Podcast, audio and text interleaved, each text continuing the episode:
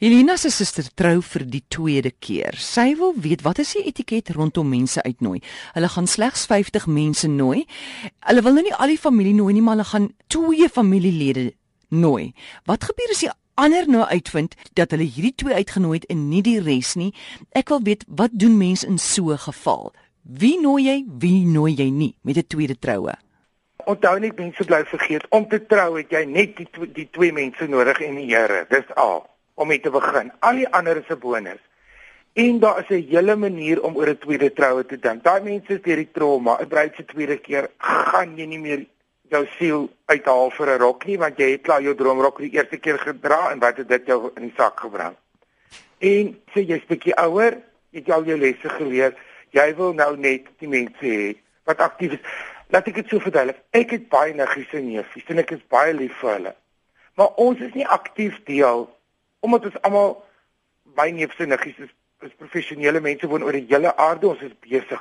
Ons is nie organies en aktief deel van mekaar se lewens sodat ek hulle na my verjaarsdagpartytjie toe nooi nie. Wanneer ons mekaar sien, druk ons mekaar, ons huil, ons praat oor ons ouers, ons kuier soos in kindertyd, maar ons word nie fisies in 'n getrou of ek nie naby dit ek weet nie eers of van.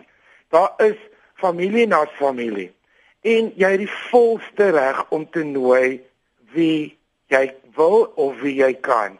Mense moet begin verstaan en 'n bietjie ongelukkigheid is nou maar nie daar as jy kry 'n tipe mens wat dink as jou agter agter agter klein niggie daar was of die dorpie is klein genoeg en jy het al 3 keer verby mense se huis gery, hulle moet jou nooi.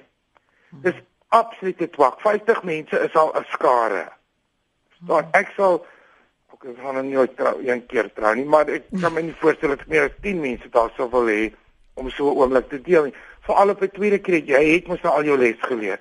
So laat dan net maar die wees wat ongelukkig is. Mense is altyd ongelukkig. Hulle gaan by die troue opdaag, nou sou hulle nie van die kos en hulle skryf oor die bruidse rok en die parking is ver. O, nie weet nie wat jy lekker.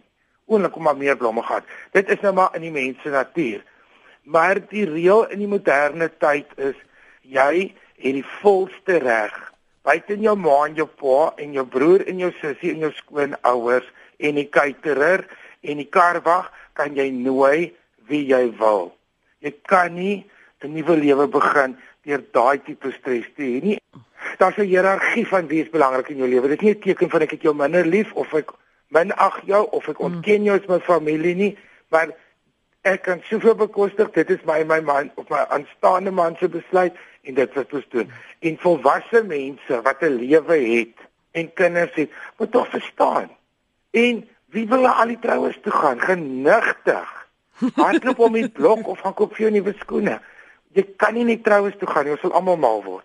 So ek stem heeltemal saam met hierdie mense. Daar gaan nog maar 'n paar vies mense wees, maar mense is vies oor alles.